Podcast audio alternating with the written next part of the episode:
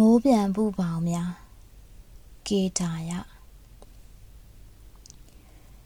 ညနေခင်းရဲ့တောင်ကုန်းအမြင့်ကလေးတစ်ခုပေါ်မှာမိုးပြန်ပူပေါင်းရောင်စုံတွေကိုကျွန်တော်နာမည်ရေးပြီးလွှင့်လိုက်တယ်ဆိုတာတလုံးတလေလောက်ဖြစ်ဖြစ်ကျွန်တော်မိမေရှိတယ်ဟိုးအနောက်ရိုးမနာကအိမ်ကလေးစီ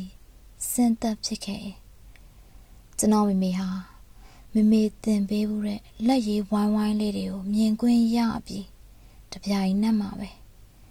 ကျွန်တော်နဲ့မမေဟာတမိုးရဲအောက်ရှိနေကြစေဆိုတဲ့အတွေးနဲ့မမေရဲ့သားလွမ်းနာကိုတစိမ့်တတေသားဖြစ်ဖြစ်ပြေပြောက်စေနိုင်ဖို့ရည်စူးလို့သာဖြစ်ပေရဲ့ဟိုးတော့ငါညနေခင်းနေဆိုရင်ရွာကလေးရဲ့ကံမောင်ပေါ်မှာ မြမလေးရဲ့ကျွန်တော်ရဲ့ဟာဖေဖေလေတဲကပြန်လာကိုကြိုရင်ဖိုးဖိုးလှုပ်ပေးထားတဲ့စက်ကူစုံရောင်စုံကလေးတွေကိုကောင်းကင်ပေါ်လွတ်တင်ရင်တခါတလေလေနီချမ်းနေကြမြမလေးရဲ့စွန်ဖြစ်ဖြစ်ကျွန်တော်ရဲ့စွန်ဖြစ်ဖြစ်ကြိုးပြတ်ပြီး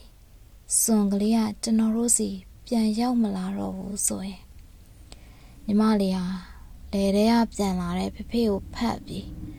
စုံကလေးကိုပြန်ခေါ်ပေးဖို့ပူစာတော့ဖေဖေကညီမလေးကိုချော့မြူချီယူပြီးအိမ်ကိုရောက်တဲ့အခါညီမလေးမသိခင်ပျောက်သွားတဲ့စုံကလေးနဲ့အယောင်တူပုံစံတူစွန်တလက်ကိုလှုပ်ပြီးတော့ညီမလေးဟာဖေဖေဟာစူပါမန်ဖြစ်တယ်လို့အော်ပြောပြီးဖေဖေကိုနမ်းလိုက်မမေကိုနမ်းလို က်ကျွန်တော်ကိုနမ်းလိုက်နဲ့လေးပြမကလေးလိုကပြီးဖိုးဖိုးရင်ကွယ်မှာကွေးကွေးကလေးအိပ်ပျော်သွားနေကြဖြစ်ပေမဲ့အခုကျွန်တော်ဟာစွန်လွတ်ရင်ကျွန်တော်ပဲစွန်ဖြစ်သွားတယ်ကျွန်တော်ဟာမြမလေးအနာကိုပြန်မရောက်လာတော့တဲ့အခါဖေဖေကိုပြန်ခေါ်ပေးဖို့များပူစားနေမလားဖေဖေဟာကျွန်တော်နောက်တစ်ယောက်ကို ညီမလေးအတွက်ပြန်ရှာမပေးနိုင်တဲ့အခါညီမလေးဟာဖေဖေကိုလည်းမနှမ်းမမေကိုလည်းမနှမ်းပဲဖိုးဖိုးရင်ခွင်နဲ့